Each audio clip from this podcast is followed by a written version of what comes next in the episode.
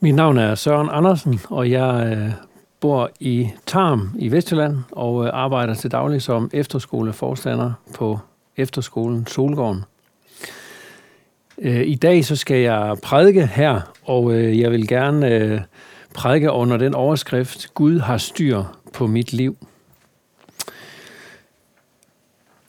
Kender du det, at man nogle gange bliver enormt overrasket? Nogle gange så sker der noget i ens liv, eller i ens omgivelser, eller omkring en, som bare gør, at man sådan, wow, der blev jeg virkelig overrasket. Forleden dag øh, blev jeg overrasket, altså måske ikke sådan helt så voldsomt igen, men jeg blev sådan øh, glad og positivt overrasket. Og øh, det gjorde jeg, fordi en øh, kollega havde taget øh, noget med på arbejde, som, øh, som vi skulle dele til et øh, lærermøde. Og øh, det var, ikke, øh, det var ikke den her, fordi så havde den været spist, men øh, det var sådan en, øh, en som den her, bare sådan i, i kæmpe udgave. Øh, og øh, Toblerone, jeg tror ikke hun ved det og vidste det, men Toblerone er øh, en af mine yndlingschokolader. Øh, så hvis du øh, vil betænke mig med en gave engang, så, så er det Toblerone. Øh, det er en god ting. Øh, et godt stykke chokolade efter, øh, efter en lang dag på arbejde eller efter et godt måltid mad, det, øh, det virker rigtig godt sammen med en god kop kaffe. Se, noget af det, der kan virke enormt overraskende, det er et øh, surprise party. Jeg har ikke været til så mange af det, men jeg har været til nogle stykker. Og øh, det ligger jo ligesom lidt i ordet surprise party, altså en overraskelsesfest. Og øh, det er ret, øh, ret interessant at se øh, det eller de mennesker i øh, ansigtet, som, øh, som bliver overrasket i den situation. Øh, nogle gange så kan der ske det, at øh, man som menneske får en øh, gave af et andet menneske, som man overhovedet ikke havde regnet med. Og så, øh, hvis det så oven i købet er noget, man egentlig rigtig gerne vil have, så, så kan man få en oplevelse af, at det andet menneske øh, måske kender en bedre, end man lige havde regnet med fordi vedkommende vidste godt, hvad jeg havde lyst til at få i gave. Øhm, og det der med at være kendt af et andet menneske, det er, det er egentlig det, øh, vores bibeltekst handler om i dag. Vi skal læse øh, fra salme 139, og der skal vi læse vers 1-12. Og øh, når jeg læser den her tekst, så får jeg en oplevelse af, at der er en, som kender mig rigtig, rigtig godt. Der står, øh, prøv at lægge mærke til nogle af de øh, ord og udtryk, der bliver brugt her. Der står virkelig, at der er en, der kender mig rigtig godt. Fra vers 1 i salme 139. Herre, du renser mig og kender mig. Du ved, om jeg sidder eller står. På lang afstand er du klar over min tanke. Du har rede på, om jeg går eller ligger. Alle mine veje er du fortrolig med. Før ordet bliver til på min tunge, kender du det fuldt ud, Herre. Bagfra og forfra omslutter du mig. Du lægger din hånd på mig. Det er for underfuldt til, at jeg forstår det. Det er så ophøjet, at jeg ikke fatter det. Hvor skulle jeg søge hen fra din ånd? Hvor skulle jeg flygte hen fra dit ansigt? Stiger jeg op til himlen, er du der. Låner jeg morgenrødens vinger og slår mig ned, hvor havet ender, så leder din hånd mig også der. Din højre hånd holder mig fast. Siger jeg, mørket skal dække mig, lyset bliver til nat omkring mig, så er mørket ikke mørke for dig. Natten er lys som dagen. Mørket er som lyset. Jeg læser lige vers 8 igen, for jeg tror, jeg sprang over anden halvdel af vers 8. Stiger jeg op til himlen, er du der. Lægger jeg mig i dødsriget, er du der. Sådan taler Bibelen, sådan taler Guds ord om, hvordan det er for David at være kendt af Gud. Og øh, når jeg læser de her ord, så tænker jeg, wow, hvor er det fantastisk at tænke på, at Gud, han kender mig så godt. Ikke bare sådan, at han ved, hvad jeg hedder, eller ved, hvor jeg bor, eller hvem jeg er, eller hvem jeg er gift med, eller sådan nogle ydre ting. Men det er faktisk ret detaljeret, det der står her. Der står i detaljer, hvor godt han kender mig. Han ved, om jeg står op eller sidder ned. Han kender min tanke. Han kender mine veje. Og der står også, at han kender mine ord, før de bliver til på min tunge. Det er jo mere, end jeg næsten selv gør. Øh, som regel har jeg sådan en, en plan for, hvad det er, jeg vil sige. Men nogle gange kan der jo godt komme noget til, som man egentlig næsten selv bliver overrasket over. Hov, sagde jeg virkelig det? Øh, det ved jeg ikke, om du kender, men det kan der godt hos mig. Øhm, Gud, han kender mig helt vildt godt. Han kender mig bedre, end jeg kender mig selv. Som jeg nævnte, så har jeg et arbejde som øh, forstander på en efterskole. Der er der mange ting, som jeg kan og skal planlægge. Og øh, når jeg sådan øh, går på arbejde om morgenen, så har jeg sådan som regel en nogenlunde plan for, hvad det er, jeg regner med, at jeg skal nå den dag. Når jeg så kommer hjem, så kan jeg sådan gøre status, og så kan jeg se, at, øh, at det går ikke altid helt, som jeg havde planlagt. Og det kan der være mange forskellige årsager til. Måske er jeg dårlig til at planlægge, det ved jeg ikke. Men øh, noget af det har også at gøre med, at der kommer ting øh, udefra, påvirkninger udefra, som gør, at jeg faktisk bliver overrasket over, hvad min dag kommer til at gå med. Overskriften, den hedder Gud har styr på mit liv. Gud har styr på mit liv. Det synes jeg både den tekst, vi har læst her i Salmernes bog, vidner om, men også den tekst, som Frank læste om øh, op før fra Johannes evangeliet, den vidner om.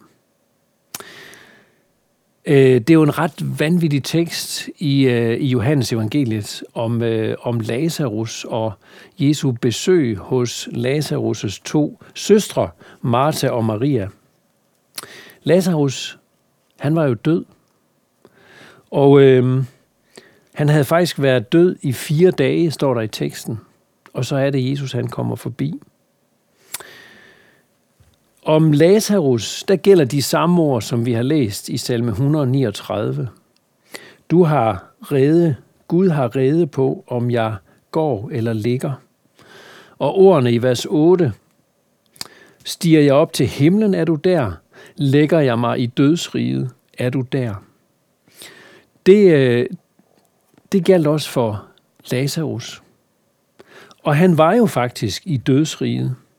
Han døde, og der lå et lig i graven, som havde ligget der i fire dage.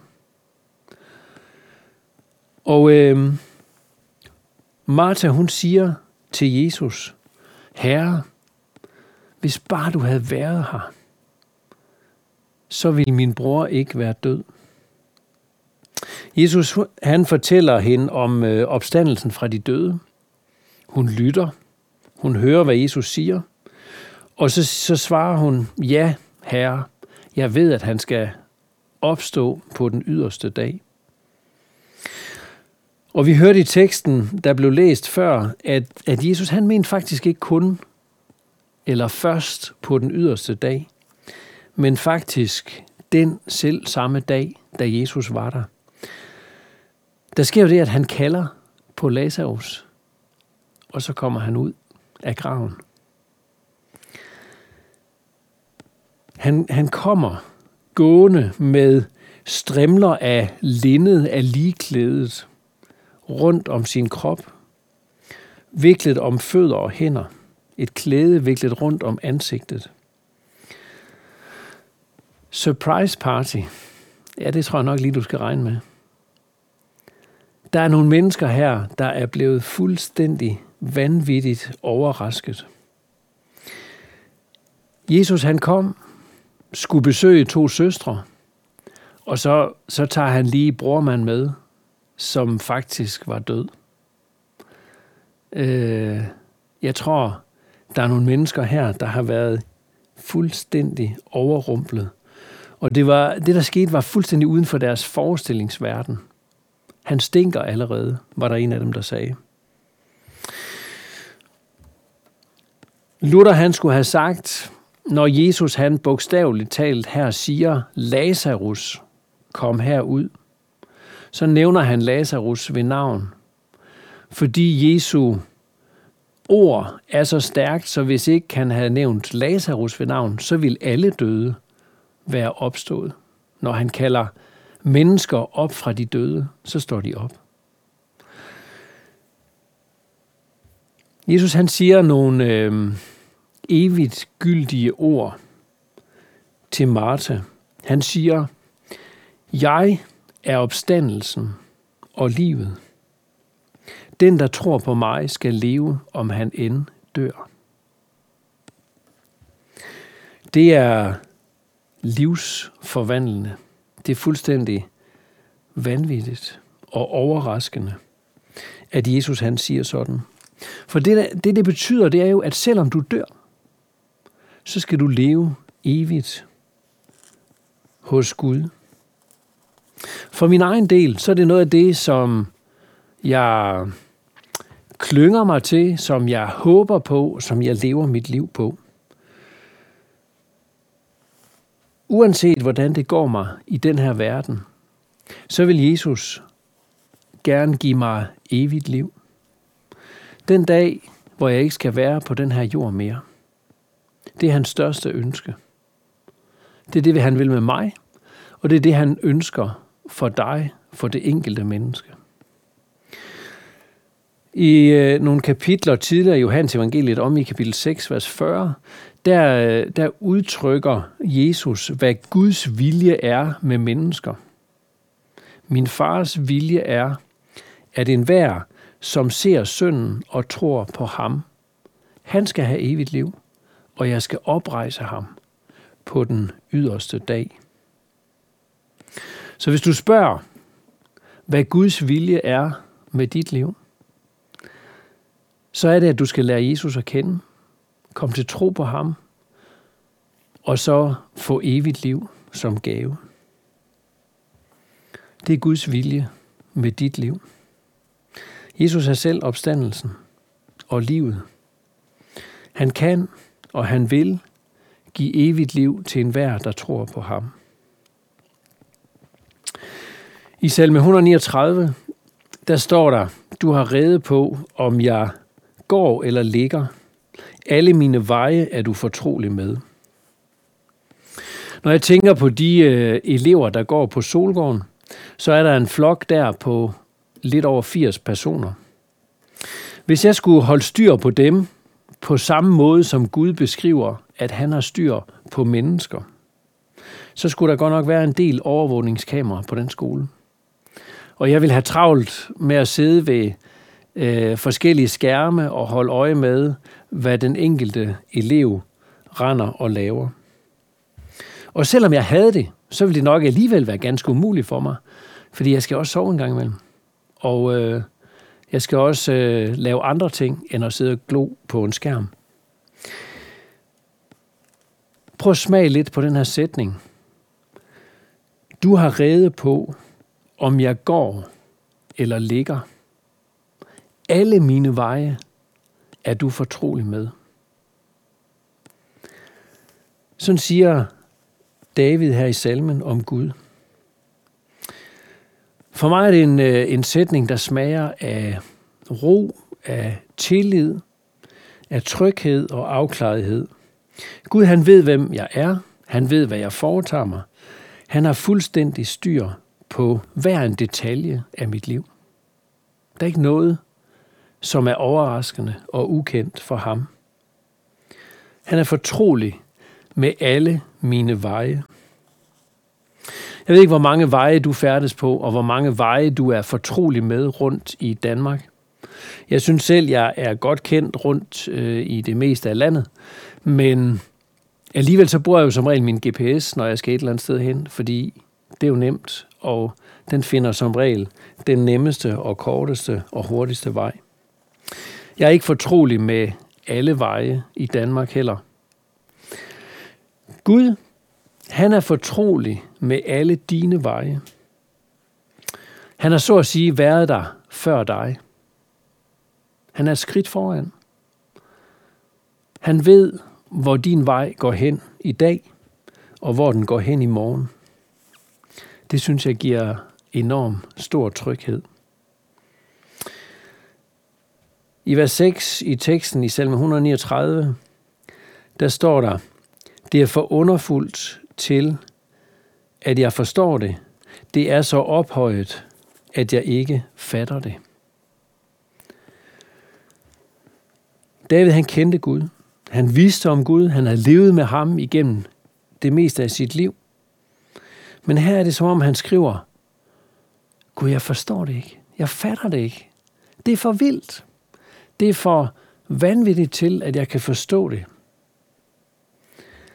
Tænk sig en Gud, som er så stor og fantastisk, at han har styr på alt, på alle detaljer i mit liv. Statistisk set, så er der det sidste døgn, så er der 160.000 mennesker rundt omkring i verden, som har mistet livet. Statistisk set så dør der omkring 160.000 mennesker i hvert døgn. Døden den er kommet ind i verden som en konsekvens af synden. I vers 8 i teksten, der stod der, det her med, stiger jeg op til himlen, så er du der. Lægger jeg mig i dødsriget, så er du der. Synd og den der følgende død, det er blevet en virkelighed i menneskelivet for os. Det er ikke ukendt. Synd og død, det følges ad. Nogle gange er det ufattelig hårdt, når døden rammer. Det kan også ske forholdsvis stille og roligt og nærmest opleves som noget naturligt. Hvis der er tale om et ældre menneske, som måske har været syg igennem lang tid, og måske nærmest venter på at få lov til at dø. Men døden er noget naturstridigt, for den var egentlig ikke tiltænkt som værende en del af menneskelivet. Døden kom ind i verden ved menneskets fald i synd. Adam og Eva de fik det at vide af Gud. Hvis I spiser er det træ til kundskab om godt og ondt, så skal I dø. Det er på den baggrund, at døden er blevet en virkelighed i menneskelivet. Når mørket dækker os, når lyset bliver nat, og når vi lægger os i dødsriget, så er det en virkelighed, at Gud er der. At hans ånd også leder os der. I sammenhæng med evangelieteksten om Jesus, der opvækker Lazarus fra de døde, så har jeg lyst til at sige det til dig. Hvis du mærker syndens konsekvens i dit liv, også konkret ved, at døden er tæt på, så vil jeg prøve, om jeg kan formidle nogle ord til trøst og til opmundring ind i den situation. Det første, jeg har lyst til at sige, det er, døden er ikke det sidste. Døden er ikke afslutningen, men den er begyndelsen til noget nyt. Jo, døden er afslutningen på det jordiske liv, det liv vi kender. Den er afslutningen på fællesskaber med mennesker, som du deler liv med her og nu. Men den er faktisk i virkeligheden begyndelsen til det liv, som du er bestemt til, nemlig livet med Gud. Døden er begyndelsen til livet med Gud. Til det evige liv. til det evige fællesskab, vi skal have med Gud, når vi ikke skal være på den her jord mere. Ham, der har skabt os, han har skabt os til, at vi skal tilhøre ham. Han har skabt dig til, at du skal tilhøre ham og leve evigt sammen med ham. Paulus han har skrevet et brev til en menighed i byen Korinth. Vi kalder det for første Korintherbrev. Og i det brev, der skriver han et kapitel, som kaldes for opstandelseskapitlet. Det er kapitel 15. Her skriver han om, hvilken betydning det vil have haft, hvis døde ikke opstår. Og hvilken konsekvens det ville have haft for hele menneskeheden, hvis Jesus ikke var stået op. Men så skriver han det også som et vidnesbyrd fra sig selv, og faktisk også fra 500 andre, som har set ham sådan rigtig live. De har set ham vandre omkring, og det er det, Paulus han skriver til menigheden i Korinth. Vi er nogen, der kan bevidne, at han er opstået. Jesus opstod og lever i dag. Og hvilken betydning har det så, kan du måske tænke? Ja, Jesus han siger jo om sig selv, jeg er opstandelsen og livet. Og øh, Paulus han afslutter kapitlet, øh, kapitel 15 i øh, 1. Korintherbrev med at sige ordene, døden er opslugt og besejret. Død, hvor er din sejr? Død, hvor er din brød? 160.000 mennesker, der i de sidste 24 timer har mistet livet. For disse mennesker, så er det en virkelighed, at deres evige skæbne afhænger af, om de i det her liv har lært Jesus Kristus at kende. Hvis de kendte ham, så har de del i den sejr, han har vundet. Sejren over døden. Han har opslugt, han har besejret, vundet over dødens magt. Ikke halvt eller delvist, men han har gjort det helt og fuldstændig. Derfor kunne han sige til Lazarus den dag, han kom hen til hans grav, Lazarus, kom ud. Og det vil han faktisk sige til enhver, der tror på ham. Jeg ønsker, at øh, det skal være en trøst til dig, som har mistet, eller til dig, som er ved at miste en, der står der nær. Eller til dig, som måske frygter, at du selv snart skal dø. Døden er ikke det sidste. Døden er ikke et punktum og en afslutning, men det er begyndelsen på det evige liv, på det evige fællesskab sammen med Gud. Frygt ikke, siger Jesus. Og det siger han også til den døende. Frygt ikke. Eller som David udtrykker det, lægger jeg mig i dødsriget, så er du der. Det er også et kald til dig, der måske endnu ikke kender ham. Som jeg tidligere har nævnt, så er Guds højeste vilje og ønske med dig, det er, at du skal lære ham at kende, at du skal tro på ham og få det evige liv som gave. Han ønsker ikke nogens fortabelse. Derfor har han tålmodighed med denne verden. Han venter. Han går i forbøn for det enkelte menneske. I håb om, at flere skal få lov til at lære ham at kende. Kom til erkendelse af Jesus som den, der er vejen, sandheden og livet. For os alle, så, øh, så kunne jeg tænke mig, at øh, vi skal gøre de sidste to vers i øh, den her salme til vores bøn.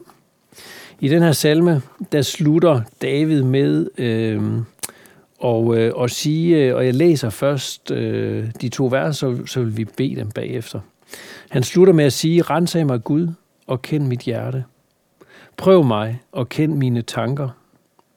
Se efter, om jeg følger afguds vej.